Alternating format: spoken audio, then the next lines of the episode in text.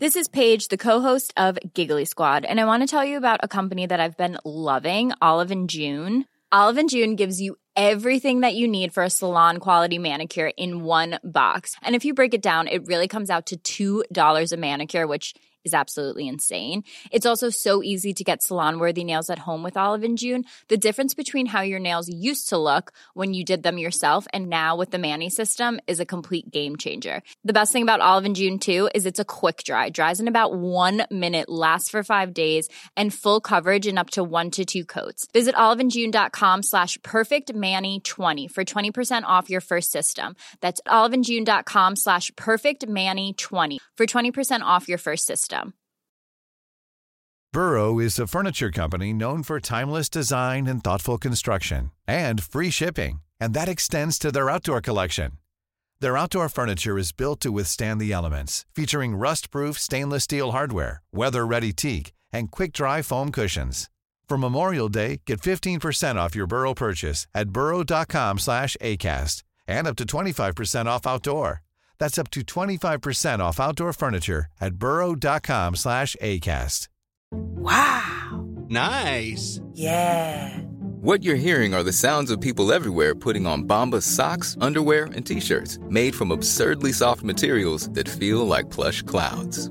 Yeah, that plush. And the best part? For every item you purchase, Bombas donates another to someone facing homelessness. Bombas. Big comfort for everyone. Go to bombas.com slash ACAST and use code ACAST for 20% off your first purchase. That's bombas.com slash ACAST. Code ACAST. De gav inte upp. De ville vara något gott för oss barn. Det är två fina människor, min mamma och pappa. Och det var inte meningen att det skulle bli så här.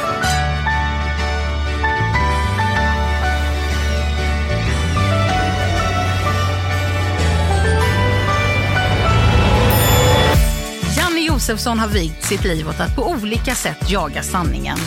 Oanmäld har han stövlat in i intet ont anande människors liv.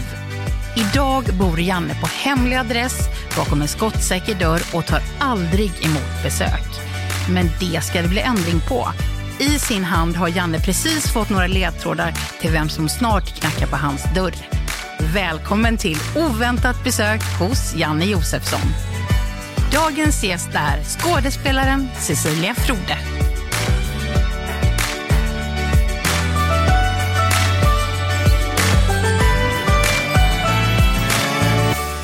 Slog igenom för den breda publiken år 2000. Det är ju för fasen för 22 år sedan. Det är ju en gammal kärring då, eller gammal gubbe.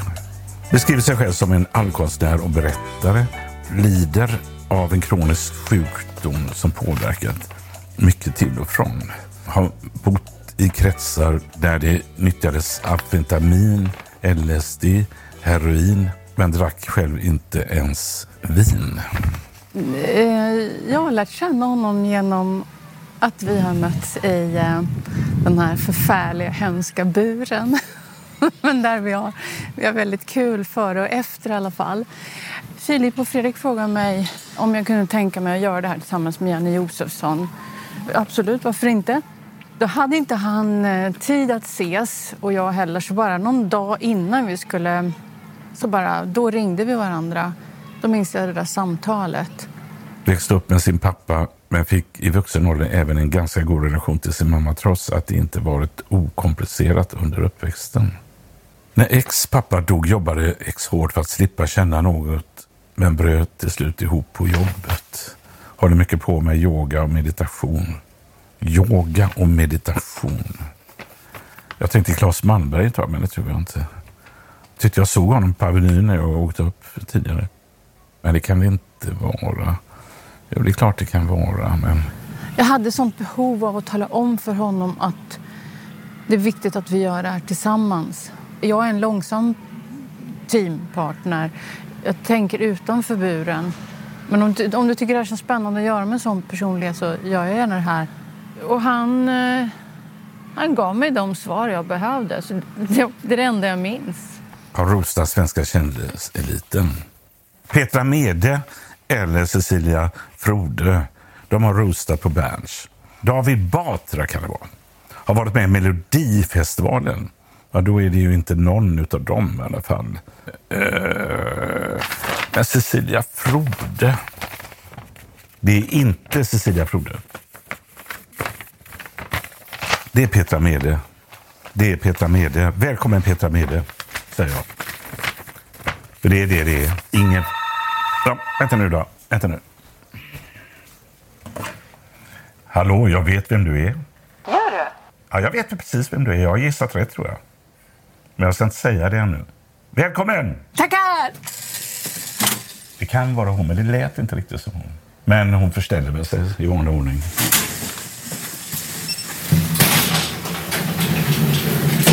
Han bor i ett eh, 60-talshus eh, i ett område som är väldigt blandat med både fina rikemansvillor och så de här vanliga bo bostadshusen. Och det väl, tror jag, stämmer väl över överens med honom som person.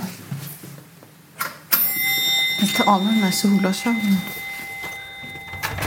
Nu blundar jag. Petra Mede. Nej! Nej men gud! Nej men herregud! Det var det jag gissade på först. Oh, välkommen! Åh, underbara du! Åh, Åh, vad roligt! vad roligt! Hörde inte du på rösten att det var jag? Jo, jag sa ju det att... Eh, men hon förställer väl sig i vanlig ordning, sa jag.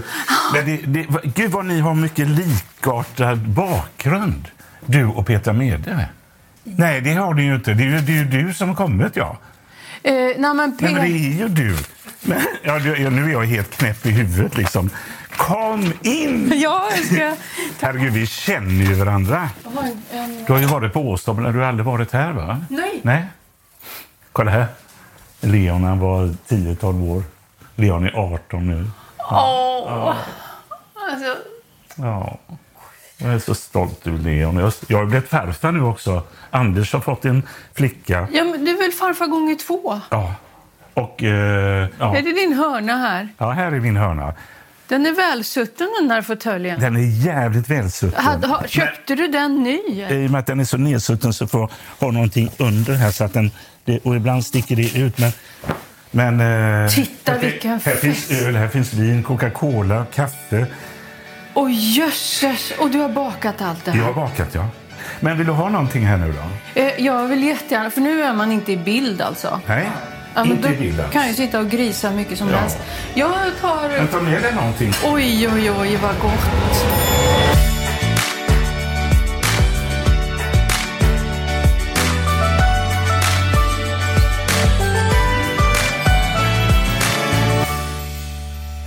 Jag har ju saknat dig. Jag, är- ja, men jag, jag är ju lite trött och sådär, så jag tänkte så här, fan vad vi hade roligt på Let's Dance. Men det är ju inte Let's Dance vi har varit ihop med. alla mot alla. Du, än idag kommer det fram folk och säger så här, ska ni vara med i år igen, Janne? Ska ni vara med där, alla mot alla? Nej, vi, vi, vi ska inte vara med och sånt där. Jo, men ni måste, ni, ni är bäst. Vi var fan inte bäst, säger jag och sådär. Och, och Cecilia, hon är om möjligt ännu värre än vad jag är. Liksom. Och, men vi, vi, vi har ju haft kul också. Ja, ja, men vi har jättekul runt... Om alltså själva bekantskapen är ju för mig Mm. större än medverkan i programmet. Programmet tycker jag är... Varje gång vi sätter oss i den här buren, första matchen där, så här, vad fan sitter jag här för? Det är som att jag måste ju inte sitta här för att träffa Janne. Nej, Ja, men, nej. för vi träffas ju ändå. Men för mig är ju alla mot alla att verkligen gå utanför boxen. Ja, det är ju det för mig också, i någon bemärkelse. Och att våga göra det. Och sen när jag vet att det finns massa tankar och förväntningar på mig som, en, som skådespelare och kreatör. Och då är det skitjobbigt att blotta sig och vara så, så dålig så, som jag faktiskt är i, i buren. Men jag, jag, jag känner att eh, vi gör en god gärning.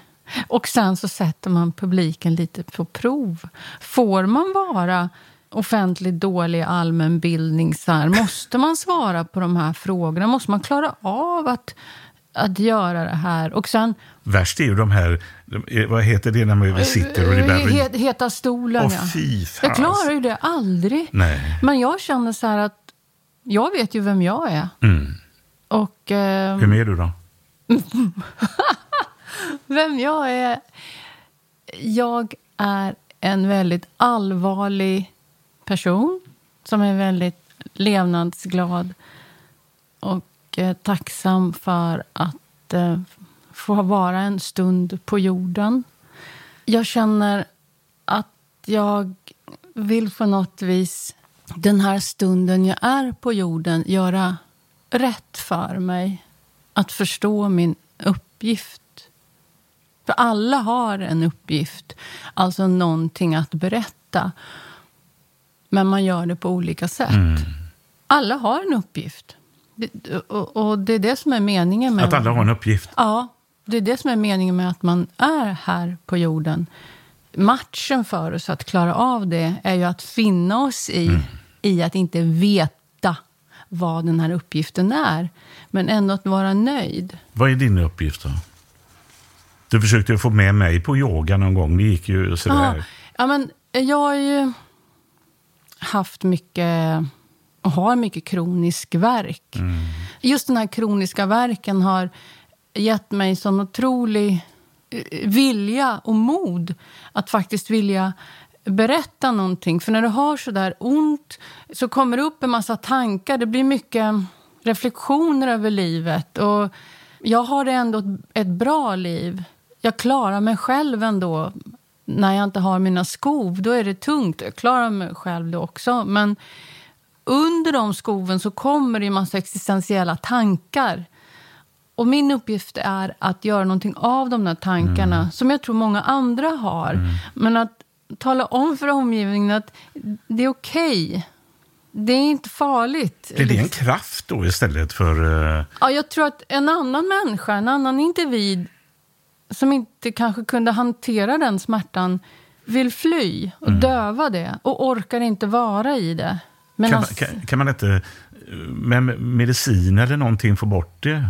Jo, absolut. Jag har ju provat alla ja, möjliga ja. mediciner. Men ofta är ju de här biverkningarna mm, på migränmediciner mm. oftast mycket värre. Och till slut kan ju också bli beroende av de här medicinerna.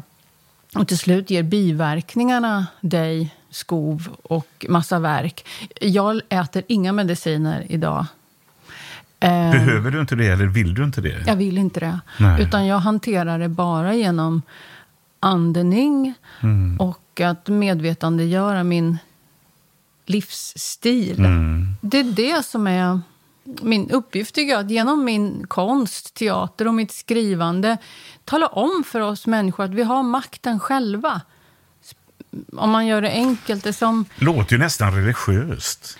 Eh, det är det jag inte. Jag tror nej. ju inte Gud på Gud. nej, nej, men det... Ja, men det är ju en religiös... Det är liksom... Vad fan, kom igen. Lägg mm. inte din egen kraft i händerna på någon eh, religion. Lägg nej, kraft, nej. Förstå vilken kraft du har själv att påverka. Men det krävs lite av dig.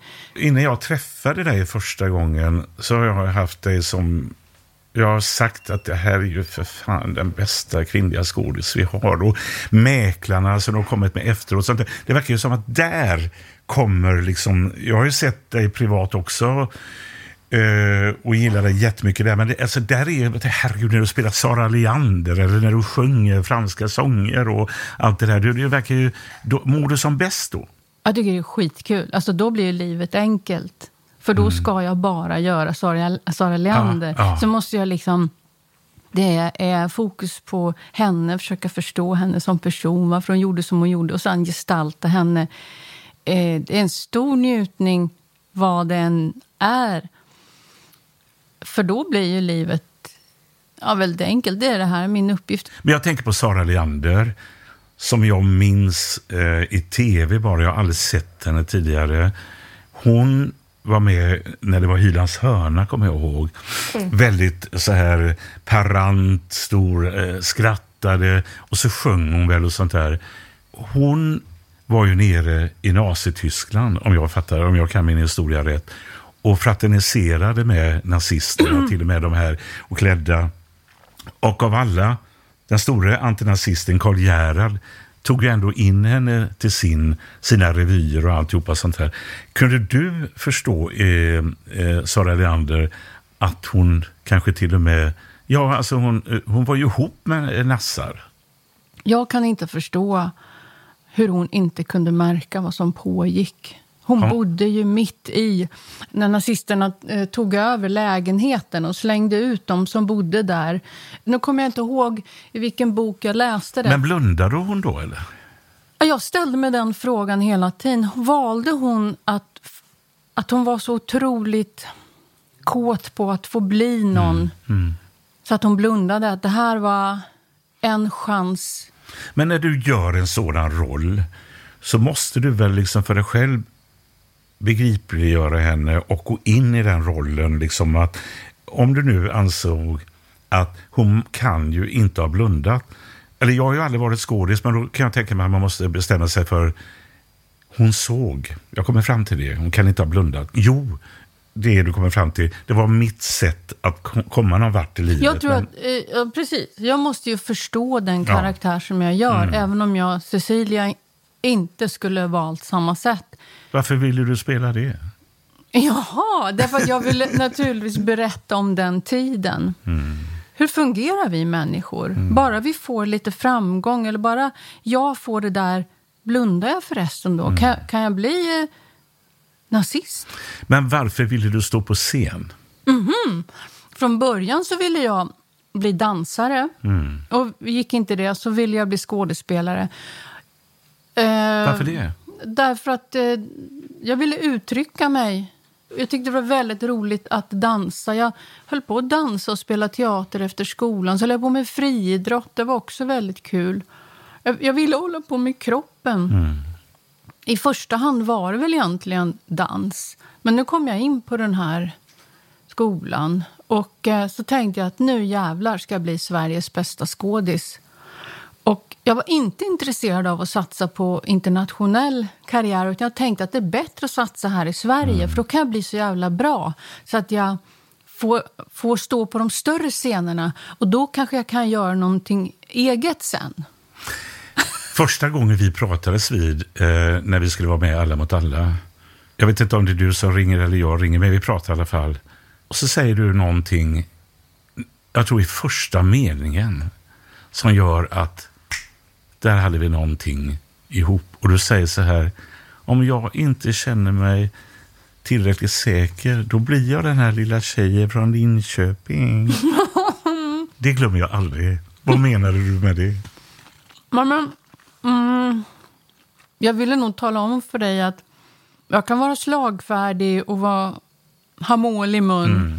Men jag är också den här vanliga tjejen. Mm. Kan du hantera det? Mm. Kan du hantera mm. det också? Men du vill ju inte bli det, den här lilla tjejen från Linköping. Nej, men, nej, jo, men det är okej att bli. Det är bara det att, att jag visste inte vem du var. Om du nej. kommer göra det roligt på mm. den beko min mm. bekostnad. Det var det jag ville försäkra mig om, mm. om i samtalet. Att jag har gärna ett team med dig, mm. men det är viktigt att vi inte ställer ut varandra. Så att om du skulle göra bort dig, vilket vi har gjort bort oss hela tiden, så vet vi att vi omfamnar ja, varandra. Ja, verkligen. Eh, det gör ju det till ett problem att jag ska intervjua dig, för jag, jag blir så glad.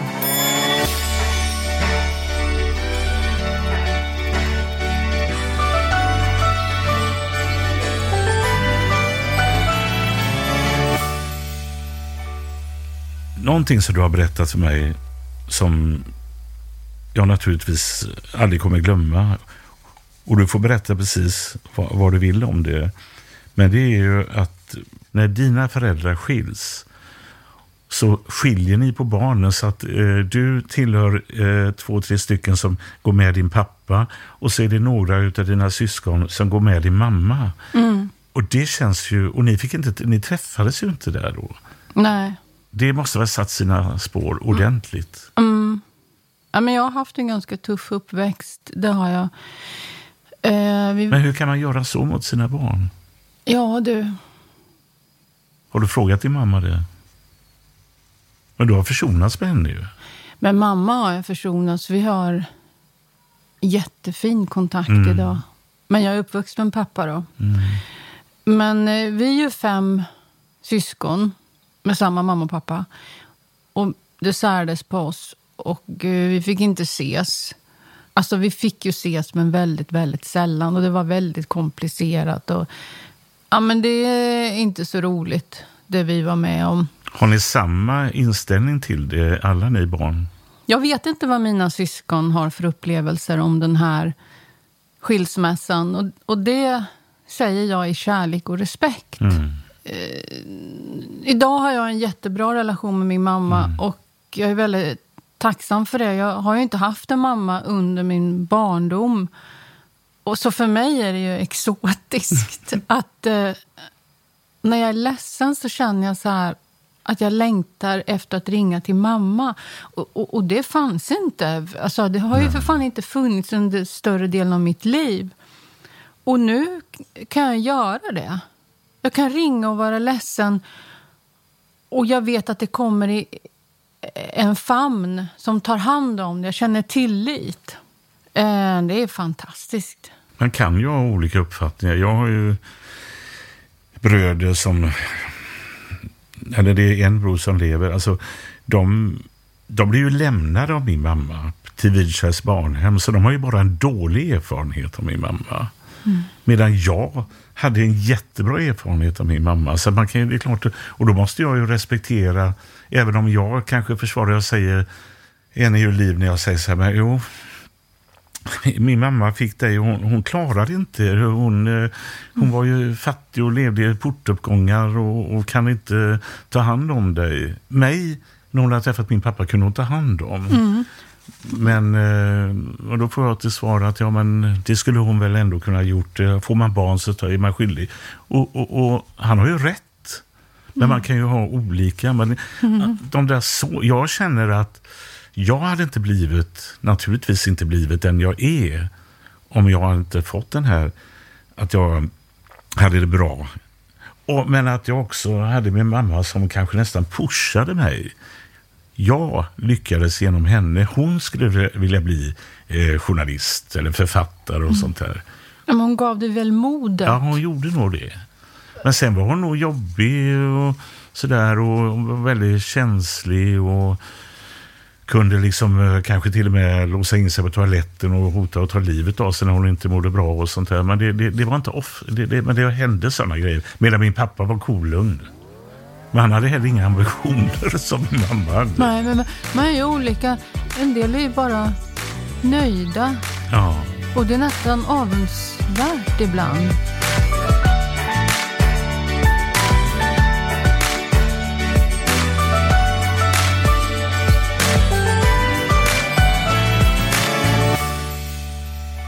Vilken är din bästa roll?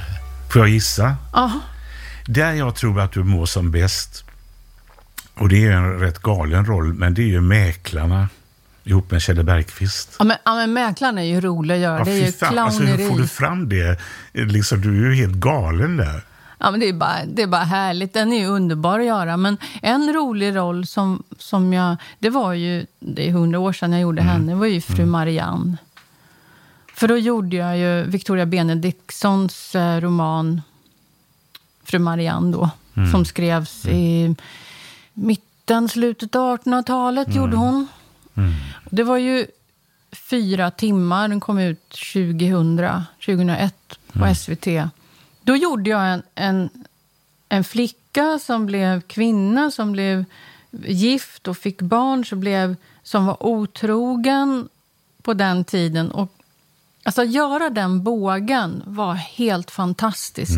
Det utspelar sig då i slutet av 1800-talet. När, när fortfarande kvinnans plats i samhället var inte given. Hon var ju liksom ingen på ett, bara av sig själv, utan det var ju genom ett giftermål. Och att då få gestalta en, en flicka som skulle giftas bort och bli kvinna och så blev hon gravid och så, skaffa, så kom hon ut på landet. Det var en överklassflicka som hamnar, gifter sig med en jätterik bonde. Så det var ju ett bra kap för familjen. Men att hon hade ju aldrig liksom tagit i en potatis eller satt en ko på riktigt. Att få göra det, det var en dröm. Och att få bo i den här miljön och få Jag kommer ihåg, jag kände mig så ful i tre månader. För jag använde nästan ingen smink och jag var alltid så lite rödrosig. Och, och så har de här jävla kragarna rakt upp. Och så den här hucklet. Ja. Men det gav ju jättemycket. ja. Det var otroligt roligt. Är du lycklig? Nej, men lycklig blir man ju inte. Blir man inte det? Nej, nej, det är ju, det är ju ångest för alla att tänka att man ska bli lycklig. Det är svårt. Det är, nej, men nöjd är jag nog. Alltså nöjd, Men är det tillräckligt att vara nöjd? Ska man inte bli lycklig? jag tycker jag bara är korkat. Alltså lycklig kan ju för fan inte bli. Alltså jag är lycklig för många saker. Jag gillar inte det där lycklig.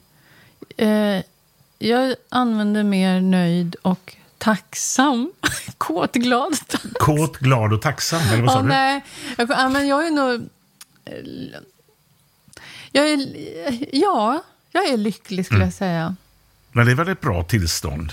Alltså jag är tacksam för att jag är frisk i bemärkelsen att jag klarar mig själv. Jag behöver ingen assistent. Jag kan gå Nej. vart jag vill, när jag vill.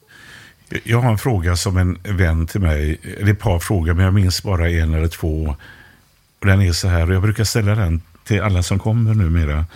Om du går tillbaka när du är fem, sex år och försätter dig i den känslan när du tänkte så här, åh, vad glad jag är- är och sånt där. Vad, vad, vad, kan du göra det? Vad var det då du blev glad för? Jag kan nog inte säga det. För det berättar för mycket om var jag kommer ifrån. Ehm, Kan du inte göra det då? Eller nej. Var bodde du då när du var fem sex år? Bodde du hos din pappa då? Eller? Ja, men det var rätt tufft var det. Men den här stunden är ju ändå när du kände någon form av nästan lycka ju. Ja, men det var mycket oro. Så liksom... De platserna och de stunderna är mina. Så därför vill jag inte berätta om det. Nej, Min pappa kämpade på. Han jobbade natt Mm. som taxichaufför. Och, och, eh, Idag då? Vad är- När är du som lyckligast idag? alltså jag hade väldigt fina stunder med min pappa när vi gjorde må- många utflykter, han och jag. Det är jag jätteglad för. Och idag så är jag lycklig, för nu gör jag typ samma utflykter med min dotter. Mm. Så det är väldigt fina minnen. Och det är ju inte bara minnen då, utan det sker ju... Ja, jag tar, Nu, liksom. så det kommer gå vidare generationer. Och ehm, det jag har fått med mig av den här uppväxten, det är ju att det var inte så roligt, men det har också gett mig en enorm kraft och tillit till min kapacitet Hur Och- kan det göra det? och ett mod. Hur kan det göra det? Föräldrarna är ju ens förebilder. Mm. Och även om de skilde sig och både mamma och pappa brast så reste de sig. De gav inte upp. De Mm. ville vara något gott för oss barn Mm. så långt de förmådde. Och det har ju jag tagit till mig.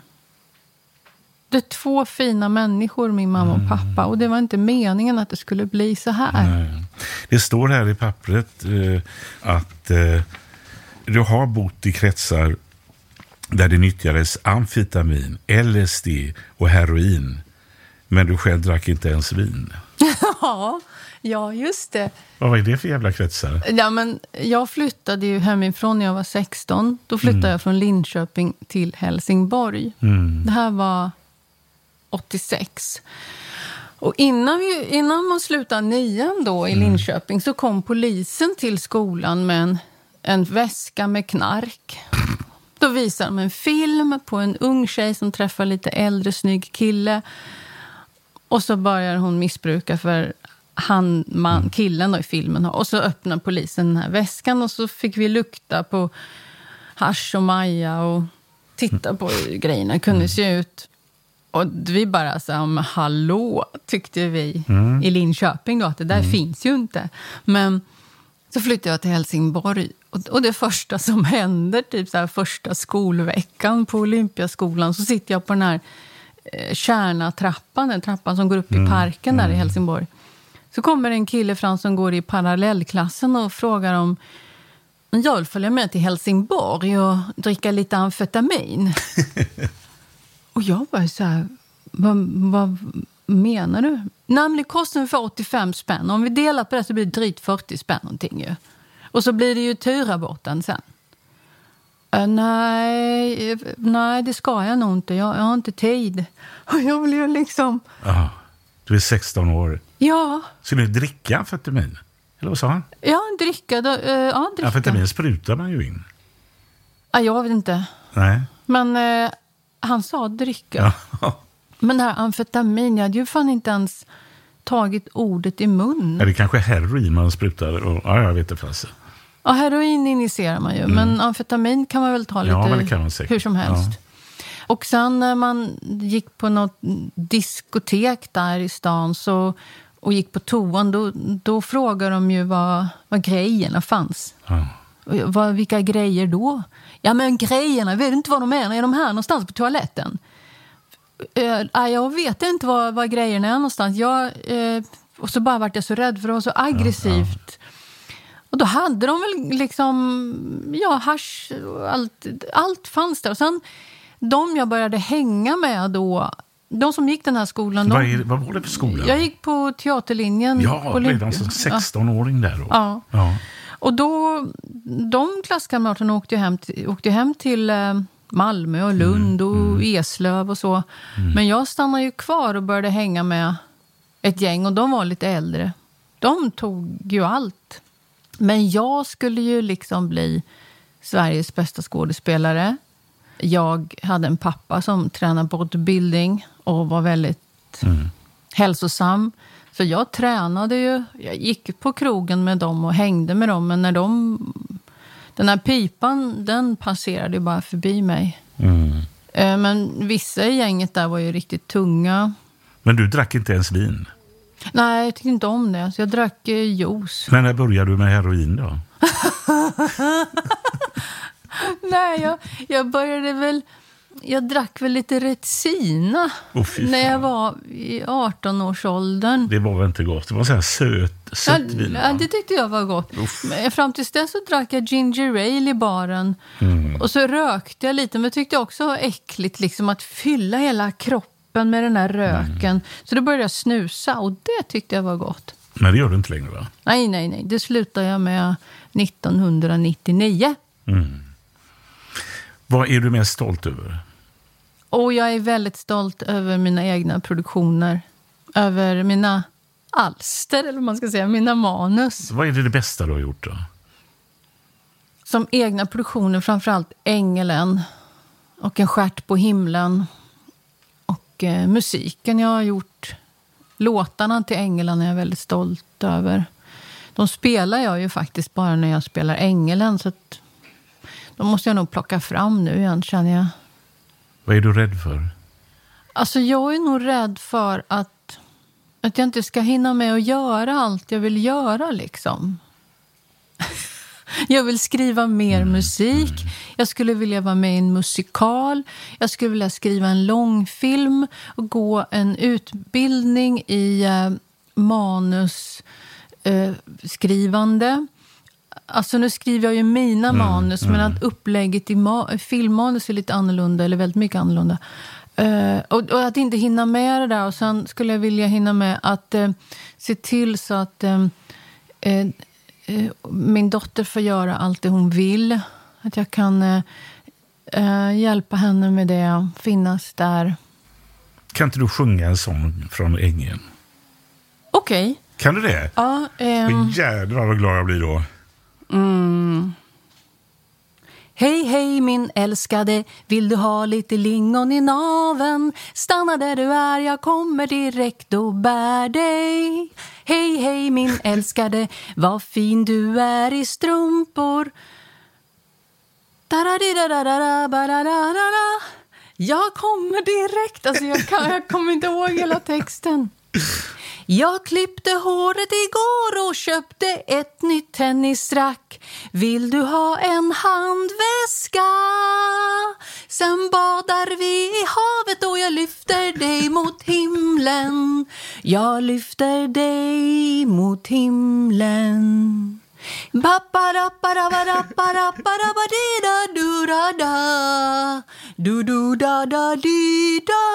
Så kommer dragspelsmellanspel där. Jag kan bara en låt, Leva livet med Lill-Babs. Jag ska nog göra en tur till Åstol och ja, sjunga de här. Ja, det ska du göra. Absolut. Cecilia, jag är så glad att jag har lärt känna dig och jag är överlycklig att du har kommit hit och ville vara med i min podd. Jag har aldrig gjort någon podd eller någonting sånt där. Och när jag fick se dig där med ditt leende så här, jag blev bara lycklig. Tack underbara Vad Cecilia. glad jag blir. Tack för att jag fick komma ja, hit och lära känna dig. Och in till din lägenhet, det var ja, jätteroligt. Ja, herregud.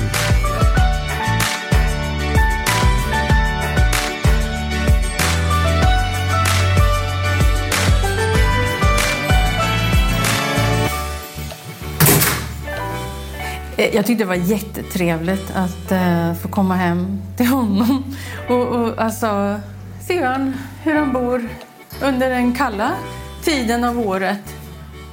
Ja, vad jag skulle vilja göra? Jag tror att det skulle vara roligt att um, göra någon sport tillsammans. Jag upplever att Janne kanske inte är så sportig, eh, men ändå modig. Han följde ändå med mig på utomhusyoga en gång. Det tyckte jag var fint. Och försökte verkligen. Så han vill. Jag kommer alltid till Åstol. Ända sedan vi började träffas i buren så kom jag varje sommar till Åstol. det blev väl den intervjun som blev svårast att göra eftersom vi känner varandra inte så lång tid tillbaka men ändå. Vi har pratat väldigt mycket vi träffas, hon kommer till Åstad varje sommar. Jag har träffat hennes dotter, hon har träffat eh, Leon och eh, ibland när jag är i Stockholm så går vi ut och käkar och eh, vi är själsfränder på något sätt. Och som person, är att lära känna henne är att eh, det är som att öppna ett universum. För hon, och hon är väldigt olik mig. Alltså jag är ju ingenting vare sig för yoga heller. Liksom. Och hon är inte religiös, men hon är andlig på något sätt fantastisk.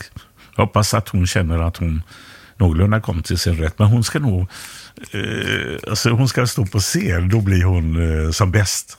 Men eh, det var ett jätteintressant samtal, verkligen. Thank you for listening to this Polpo original. You've been amazing.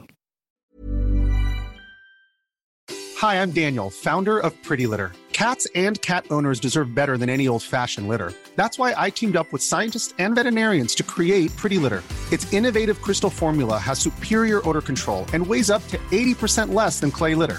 Pretty Litter even monitors health by changing colors to help detect early signs of potential illness. It's the world's smartest kitty litter. Go to prettylitter.com and use code ACAST for 20% off your first order and a free cat toy. Terms and conditions apply. See site for details. Planning for your next trip? Elevate your travel style with Quince. Quince has all the jet setting essentials you'll want for your next getaway, like European linen, premium luggage options, buttery soft Italian leather bags, and so much more. And is all priced at 50 to 80% less than similar brands. Plus, Quince only works with factories that use safe and ethical manufacturing practices. Pack your bags with high-quality essentials you'll be wearing for vacations to come with Quince. Go to quince.com slash pack for free shipping and 365-day returns. Planning for your next trip? Elevate your travel style with Quince. Quince has all the jet-setting essentials you'll want for your next getaway, like European linen, premium luggage options, buttery soft Italian leather bags, and so much more. And is all priced at 50 to 80% less than similar brands. Plus, Quince only works with factories that use safe and ethical manufacturing practices. Pack your bags with high-quality essentials you'll be wearing for vacations to come with Quince. Go to quince.com/pack for free shipping and 365-day returns.